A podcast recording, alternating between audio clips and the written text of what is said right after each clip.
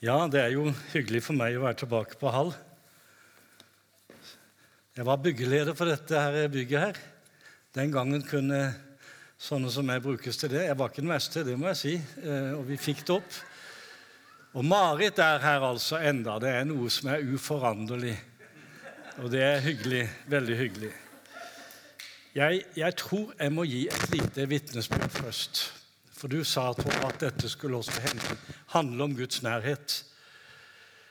Og jeg hadde et møte med Herrens nærhet. Den siste sangen det er vanskelig å forklare deg hvem du er, eller han, hvem han er, gjennom ved bruk av ord.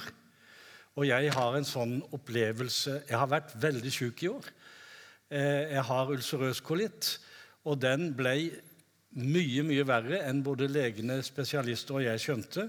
Så jeg fikk det som kalles totalkolitt. Det betyr at hele tarmen var betent, og jeg tror jeg ble strøket med av mange forskjellige ting. Og det gjorde jeg kanskje nesten også. Jeg ble altså helt tom. Jeg mista all selvtillit. Jeg mista all Jeg var helt tom i huet. Jeg tenkte kan jeg noen gang holde en tale mer? Nei, det går ikke. Og jeg ble altså så dårlig. Og jeg lå i to og en halv måned, opptil fire timer hver dag, etter at jeg spist og tatt noen spesielle medisiner, for å takle smertene. Eh, for det er veldig smertefullt. Så en dag så, Og jeg lå der i stua, var alene og helt klar. Sober, som det heter. Edru. Og så kommer det altså en inn i rommet kommer, kommer en inn i rommet. Noen. En. Og kommer bort til meg. Jeg må, jeg må opp og se. Jeg ser ingen. Og jeg legger meg ned.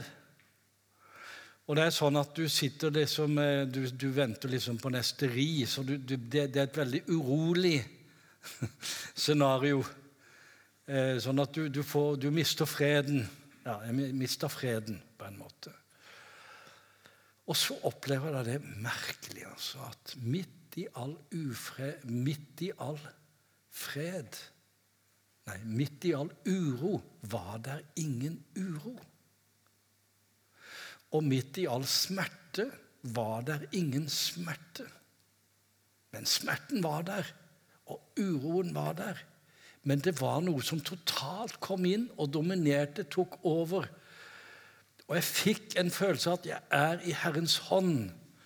Og jeg har lyst til å si til dere også når, når livet går på tverke, og det blir vanskelig, og det gjør det, og vi, vi må tale sant om det Livet er ikke lett. Men hvis noen hadde kommet inn da og sagt vi vil gjerne be for helbredelse, så hadde jeg lempa dem på døren. Fordi det nærværet hvor, hvor jeg jeg opplever at Jesus sier at 'Jeg har ikke glemt deg'. Jeg, jeg er hos deg. Jeg er med igjennom det som skjer. Så ble, jeg, så ble jeg bedre, og smerten var der, og alt dette her. Men jeg, jeg hadde med meg noe nytt, og det trengte jeg fordi jeg, jeg har måttet innta alle områder. Jeg har måttet innta mine digitale ferdigheter. på jeg, jeg, kunne ikke lenger legge inn noe på Facebook. Jeg har gjort det 10 000 ganger. Jeg måtte begynne på nytt. Skulle tale i sommer. Jeg var helt fra meg, men det er noen som har gitt oss masse til eh, arbeidet vårt av manga, manga bibeldeler nede i Kenya. Så jeg måtte jo gå der. Midt på natta, inntil da, så sa jeg til Herren, hva skal jeg si? Jeg har ingenting å si. Jeg er tom. Så midt på natta så ruller ned hele alt det jeg skulle si, og det fikk jeg si. Og denne bibeltimen jeg holder for det, da, jeg var sikker på at jeg kom ikke til å holde noen bibeltime mer i mitt liv. For jeg har vært helt, helt der nede, altså under felgen, egentlig. Og så Dette er den første jeg har produsert. Jeg har jo produsert tusener av taler. Jeg har ikke holdt på med noe annet i mitt hele liv siden jeg gikk på skolelaget. Eh, men, men, jeg har bare lyst til å si til dere at vi er i Herrens hender. altså. Han er med oss, han er nær oss, og han er der, ikke minst når det er vanskelig. Og Så eh, vil jeg be en kort bønn, og så går vi rett på dette. Kjære himmelske Far, takk for denne menigheten som har kommet hit til Hall. Gjør meg glad, Herre, for at dette stedet blir fylt på en slik måte. Velsign de, Herre Jesus. Vi skal snakke om tilbedelse av deg, Gud, gjennom givertjeneste. Åpenbar ditt ord for oss. Vis oss sannhetens ord, så vi kan elske det og følge det og ha glede av det og nytte av det. Og at vi kan se at andre kan ha glede og nytte og velsignelse av det vi gir. Derfor vil vi prise ditt navn for din godhet over oss. Amen. Nå skal jeg gjøre det sånn at jeg skal lese eh, dette kapitlet til slutt. Men dere må gjerne bla opp kapittel 9 i 2. Korintiabrev. Jeg hadde aldri prekt over det før, men jeg fikk et tema av eh, søstermenigheten deres her borte på bedehuset. Tilbedelse av Gud gjennom givertjeneste. Og det tenkte jeg det Alt dreier seg om tilbedelse, tenker jeg for tiden, men det gjør ikke det. Men jeg fikk en veldig interessant møte med en tekst som jeg har lest mange ganger, men som ofte har jeg brukt 2. Korinterbrev kapittel 8 eh, som, som et, en inngang til å, å forkynne om givertjeneste. Og jeg har gjort det mer enn noen, tror jeg, for jeg har hatt et kall til det. Og jeg, jeg, jeg gikk på BI og fikk kall til å bli lagsekretær. Og jeg er den eneste som i kontrakten fikk inn at jeg skulle ikke nødvendigvis forkynne Guds ord. For jeg, jeg, jeg, så ikke det som min oppgave. Jeg skulle jobbe med økonomi for å få den institusjonen opp. Men så opplevde jeg at Herren kom gjennom en eldre kristen og viste meg, og så fikk jeg kalt det. Og det er like levende for meg nå som det har vært. Men jeg har aldri forkynt over kapittel 9 noen gang. Det gjør jeg nå og det er til dere. Det er ikke nødvendig, begynner han å si, at jeg skriver til dere om det som har med, med, tjenesten for de hellige å gjøre. Ja, Men hvorfor gjør han det da? Ja, det skal vi se litt mer om.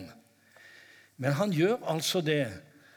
Så det må være en slags fare for at det kan skje noe med givertjeneste og tjeneste for de andre hellige over tid. Det kan gå tapt. Det kan svekkes. Men hva er så givertjeneste?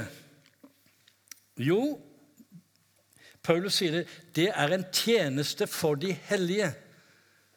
Det er en tjeneste for de hellige. Ja, ja, så får vi lære mer om det. Det ser ut til at Paulus tror at han i hvert fall er redd for at den kanskje er blitt svekka i Korintiamenigheten. For de har nemlig vært et veldig godt eksempel som Paulus har brukt i Makedonia-menighetene. Han har fortalt om hvor flinke disse her er til å gi, og hvordan de planlegger osv. Eh, og et trekk fra Korintiobrev, både kapittel 8 og 9 og ellers, det er at de har vært ivrige. De har hatt en høy profil, og de har inspirert mange. Og de har levd ut et veldig godt eksempel. Allikevel så ligger det en liten engstelse, tror jeg, hos Paulus. For han er, han, han, han er tydelig redd for at de kan ha mistet noe av visjonen og forpliktelsen og løftene de er blitt gitt. Og det er mulig. Det skjer med mange kristne, det. Mister visjonen. Det kan skje med menigheter. Vi har levd så mye menighetsliv, noen av oss, at vi har sett det. Og han, er, han, er, han, er, til og med redd for at de skal ødelegge renommeet hans, ryktet hans. Han, han er redd for at de skal føre skam over ham.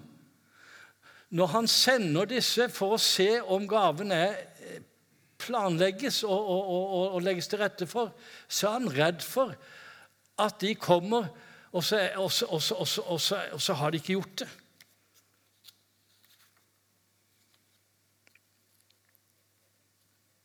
For de skulle altså komme og hente denne gaven som han har lovt i. Altså Han sier det, det er ikke nødvendig at jeg skriver til dere, men det er altså nødvendig at jeg sender disse til dere. Det er nødvendig, sier han.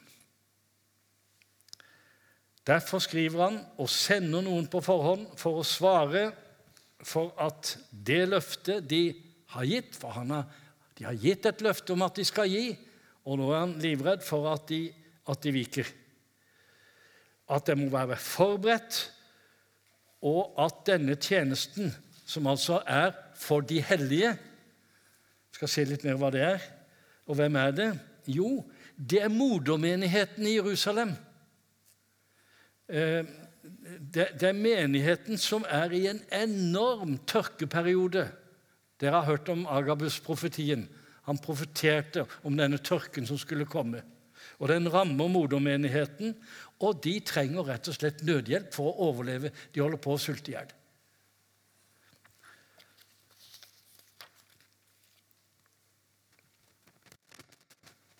Og dersom visjonen nå kan ha blitt svekka hos denne menigheten, så kan det skje noe med Så vil det påvirke, sier Paulus, menighetens givertjeneste og gave. Menighetens gave. Enten, sier han, ligger den ferdig som en velsignelse, eller som en gniergave, er det nye uttrykket. Så noe de piser sammen i en skøyt for å redde ansiktet. Den ene er ferdig som en velsignelse. Den andre er knipen. Og han kaller det en gniergave. La meg komme med en påstand. Givertjeneste dreier seg først og fremst ikke om penger. Vi gjør ikke det. Vi er veldig hekta på penger. Vi teller kollekt så det suser. Det er greit, vi må jo det. Vi må vite hvor mye vi får, og sånn. men vi er veldig fokusert på pengene. Det er ikke hovedpoenget med givertjenesten. Ikke først og fremst. Pengene er følgen av noe annet. Men hva dreier det seg da om? Jo, sier Paulus, det dreier seg om to ting.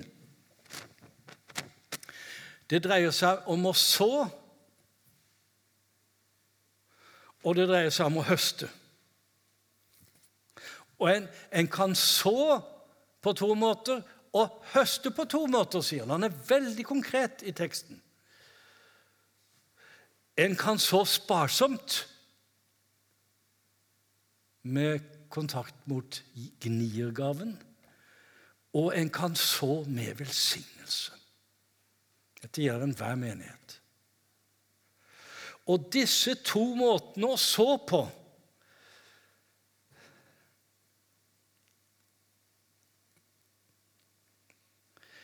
Det påvirker innhøstningen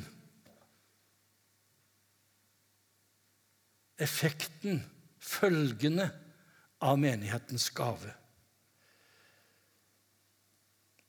Eller gjerne kall det gjerne resultatet av det. Om en så sparsomt eller med velsignelse. De to måter eh, tilsvarer også å så på til, til, til, eh, tilsvarer også to måter å høste på. For gaven som sås med velsignelse, den høstes med velsignelse. Og når velsignelsen flyter, er den ustoppelig. Fortsetter en å så med velsignelse, høstes velsignelsen. Mens gniogaven, altså den som så sparsomt, skal høste sparsomt, står det. Og hva er det? Jo, den som er kjip, mister gleden ved å gi. Sier det her i teksten. Gleden blir erstattet av et, et uttrykk som man kaller ulyst og tvang. Vi settes opp mot hverandre. sparsomligheten, den kjipe gniergaven, følges av ulyst og tvang. Mens gaven som sås med velsignelse, høster velsignelse. Givertjenesten skaper noe som Paulus er redd for at menigheten skal miste. Det er det dette kapittelet handler om. Han er redd for at det er noe som skal gå tapt hos menigheten, og at de vil miste det.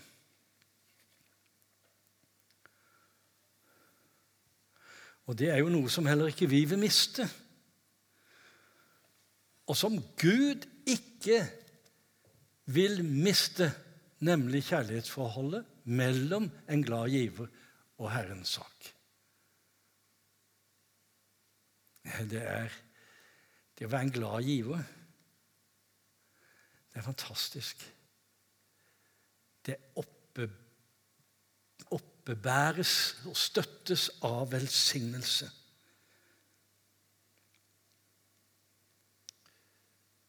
De går fra kraft til kraft. Og høstregnet regner over det, og det går fra velsignelse til velsignelse. Det er han redd for at menigheten skal miste. Og hør nå løftet over det å være en glad giver. Eh, jeg leser fra vers 8 her. Jeg skal lese hele teksten etterpå.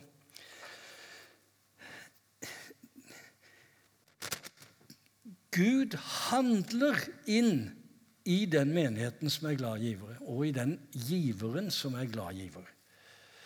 Gud makter å gi dere all sin gave i rikt mål, så dere alltid og under alle forhold har nok av alt, ja, overflod, til da, til hva da? Jo, til all god gjerning som vi er satt til.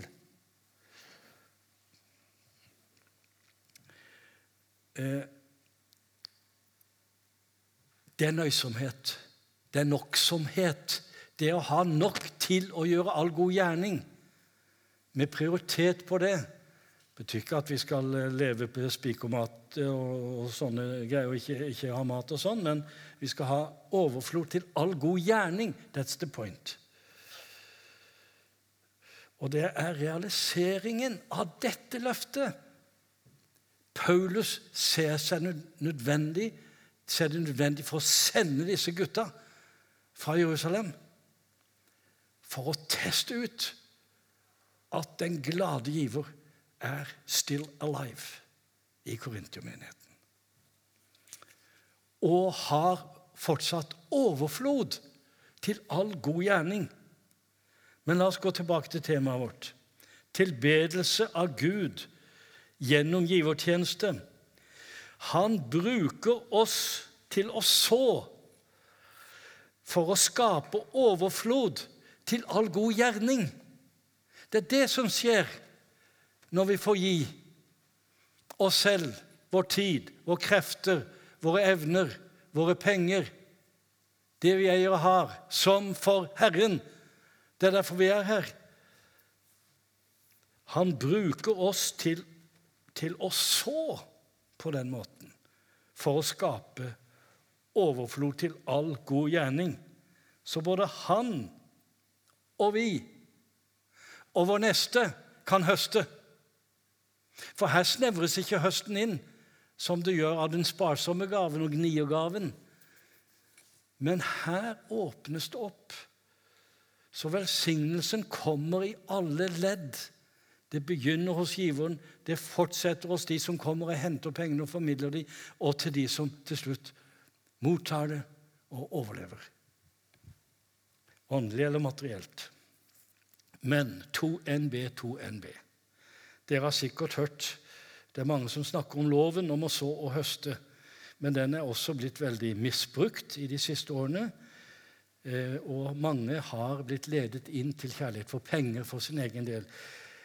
Dette er, har ingenting med egen vinning å gjøre. Dette er, har med å ha nok til å gjøre all god gjerning og ha overflod til å gjøre all god gjerning rikelig. Det setter Gud og min neste i fokus. Ikke meg selv. Jeg er tjeneren. Jeg er den glade giver. Og der nede kan dere kjøpe honning fra de glade bier. Altså, det, det, er, det, er, det er en kraft i det å være en glad giver. Ehm, det dreier seg ikke om penger. Det dreier seg ikke om egen vinning. Det dreier seg om å ha overflod til all god gjerning overfor dem som har mangler. Og veit dere hvem det er? Det er den fattige. Det er den som ikke har klær og mat, heller ikke kan møtes og høre Guds ord, som forfølges. Du kan ta hele rekka. Det er nok å ta for en menighet når en begynner å lete etter og ja, en, en liten interessant eh, eh, eh, altså Disse fattige her, som Paulus skriver om, de mangla jo livsmidler. De mangla mat. De, de, de, det var sånne uår, og det er beskrevet i kirkehistorien. Eh, så, så Agabus profeterer om denne tørkekatastrofen, og Paulus og korintiomenigheten går inn i det. Og de lykkes. De lykkes. Og det som skjer, er at det ordet 'fattig' introduseres i teksten. Det er veldig interessant. For dette, kjære venner, har, har kirken, dette har Kirken glemt. Dette er eh, De fattige kristne har, har, har Kirken glemt. Bare de fattige barna utgjør over 40 millioner eh, på, på, kloden. Og det fins gode statistikker på det. Hør hva, hva, han sier etterpå. At han har sagt ja, Gud har overflod til all god gjerning. For det står skrevet Han strødde ut og ga til de fattige. Hans rettferd skal alltid være.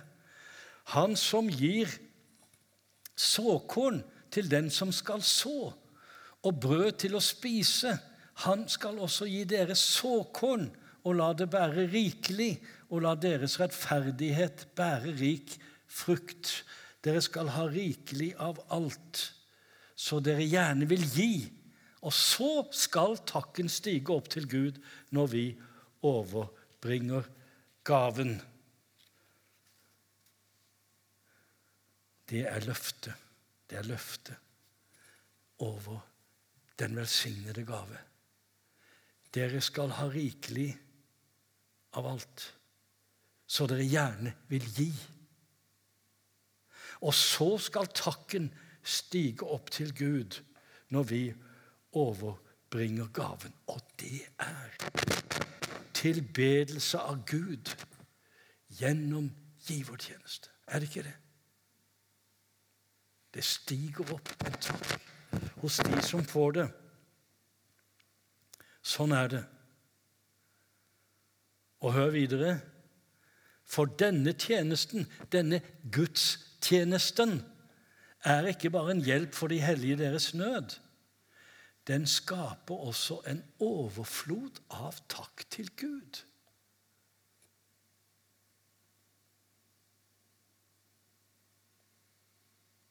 Når dere trofast har fullført tjenesten, vil de prise Gud fordi dere var lydige og bekjente dere til Kristi evangelium og helhjertet delte med dem og med alle.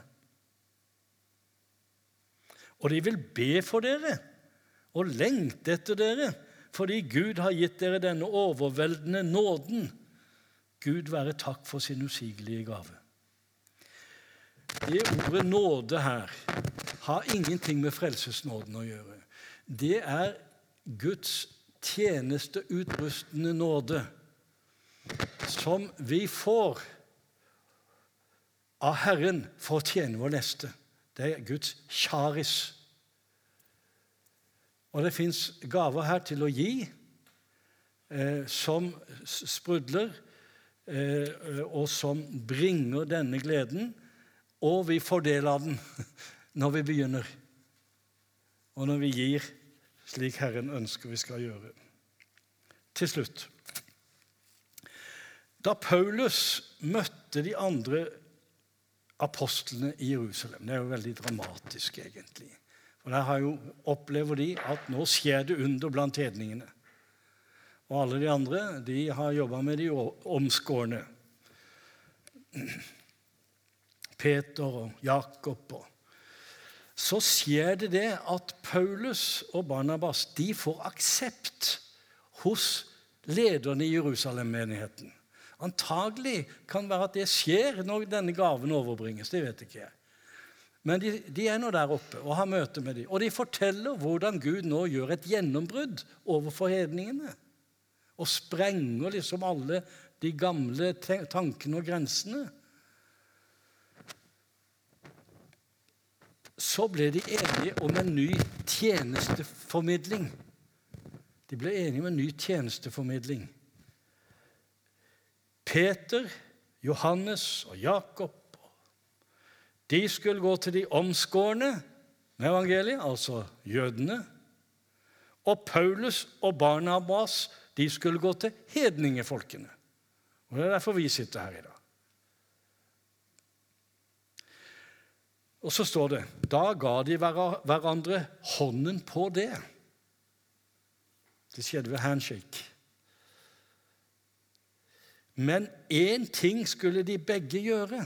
Vi måtte bare ikke, Det er én ting vi ikke måtte glemme, skriver Paulus. Vi måtte bare huske hold deg fast, vi måtte bare huske på de fattige.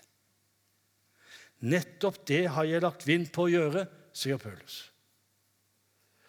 Og kjære dere her i Nordkirken Hall, det må også vi gjøre. Vi må huske på de fattige. Våre trossøsken, først og fremst, men også andre. Også i vår givertjeneste. Vi må ikke spiritualisere, åndeliggjøre den. Den, kan, den skal dekke hele greia. Og det er disse som i sine nærmiljøer, i andre kulturer, skal være de som synliggjør evangeliet ved sin velsignede glede over å være husket på. Jeg jobber med å få en hel haugiansk røsle der nede til å glemme seg sjøl og til å gjøre noe for barna. Og jeg har altså prekt disse tekstene i Det nye testamentet nå i fire-fem år til disse små menighetene om Jesus og barna. Og det er altså så sterke greier. Jesus har ikke glemt de fattige. Jesus har ikke glemmer ikke barna. Det er nesten en symbiotisk forhold. Rører du ved et barn i nød, så rører du ved Jesus. Og han stiller bare ett testspørsmål i Matteus 25, i domsscenen. Og det er Hva gjorde du med en av dine, dine minste? Det gjorde du mot meg. Og det du ikke gjorde, det gjorde du heller ikke mot meg. Så der ligger en veldig sterk eh, refleksjon eh, hos meg, i hvert fall, eh, etter at jeg har da brukt en del år nå og lest på det. Jeg opplevde noe fantastisk som jeg må slutte med, sist for to uker siden. Visjonen Vi bygger nå Vi skal starte en søndagsskole, Manga Bible Club Sunday School. Vi lager et opplegg på det i hver menighet.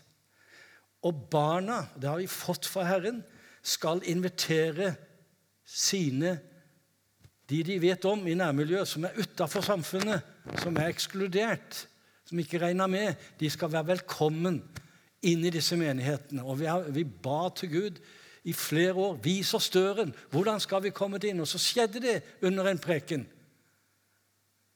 at vi fikk høre om ei lita jente som hadde invitert inn en gategutt på søndagsskolen. Og så har vi venta. Og sist søndag i Husseins søndagsskole Han er omvendt muslim for fire år siden i en av menighetene som er i nettverket vårt. Og han er den første, en av de første som fikk opplæring til å bli søndagsskolelærer i Manga Bible Club. Eh, manualen. Det er jeg greier. Så sier han så det hendte noe, det noe rart. Og jeg takka Herren jeg hørte det. Barna begynte å diskutere seg igjen imellom hvem de kunne invitere inn, som i deres nærmiljø var ekskludert opp på utsiden. Og de kom frem til to navn. Og så måtte jeg ringe, ringe Ken eh, mandagen etterpå. Did they come? Did they show up? Yes, they came. And they, they added another person on the road. They were three. De fikk tak på en til, så de ble tre. And you know, Øystein, they were so shabby dressed. De var så stusslig kledd. Og så sa han So we were so happy. Var det noe å glede seg over? Ja, ja, for de er de riktige. They are the right ones. And you know, last Sunday I asked the kids for an offering. So we had some, jeg ba disse barna som var der da på søndagsskolen, om en ofring. Så vi hadde noe. Vi kunne kjøpe biscuits, kjeks, og gi til de nye som kom. They got biscuits, and they were happy. Og nå er jeg veldig spent på om de fortsetter. Takk skal dere ha. Gud velsigne dere. Og nå skal jeg lese. Jeg lovte å lese. Jeg skal lese hele kapittelet. Egentlig er det ikke nødvendig at jeg skriver til dere om tjenesten for de hellige, for jeg vet at dere er villige. Her i Makedonia roser jeg dere, og jeg sier at dere i Akaia har vært forberedt siden i fjor, og deres iver har inspirert mange. Nå sender jeg disse brødrene til dere, så det skal vise seg at det ikke var tomme ord vi kom med når vi roste dere for dem. For dette. Men at dere er klare, slik jeg har sagt. Jeg vil jo ikke at makedonerne skal komme her sammen med meg og finne dere uforberedt, for da ville hele tiltaket bare bringe skam over oss, for ikke å snakke om dere. Jeg fant det derfor nødvendig å be disse brødrene reise til dere på forhånd og i god tid gjøre klar den gaven dere har gitt løfte om. Da kan den ligge ferdig som en velsignelse og ikke som en gniergave. Men, jeg, men det sier jeg. Den som sår sparsomt, skal høste sparsomt. Og den som sår med velsignelse, skal høste med velsignelse. Enhver gi det han har bestemt seg for i sitt hjerte, ikke med ulyst eller av tvang, for Gud elsker en glad giver. Og Gud makter å gi dere all sin gave i rikt mål, så dere alltid og under alle forhold har nok av alt, ja, har overflod til all god gjerning. For det står skrevet:" Han strødde ut og ga til de fattige. Hans rettferd skal alltid vare. Han som gir såkorn til den som skal så, og brød til å spise, han skal også gi dere såkorn og la det bære rikelig frukt, og la deres rettferdighet bære rik frukt. Dere skal ha rikelig av alt, så dere gjerne vil gi, og så skal takken stige opp til Gud når vi overbringer gaven. For denne tjenesten, denne gudstjenesten, er ikke bare en hjelp for de hellige i deres nød, den skaper også en overflod av takk til Gud. Når dere trofast har fullført tjenesten, vil de prise Gud, for dere var lydige og bekjente dere til Kristi evangelie, og helhjertet delte med dem og med alle. Og de vil be for dere og lengte etter dere, fordi Gud har gitt dere denne overveldende nåden. Gud være takk for sin usigelige gave. Amen.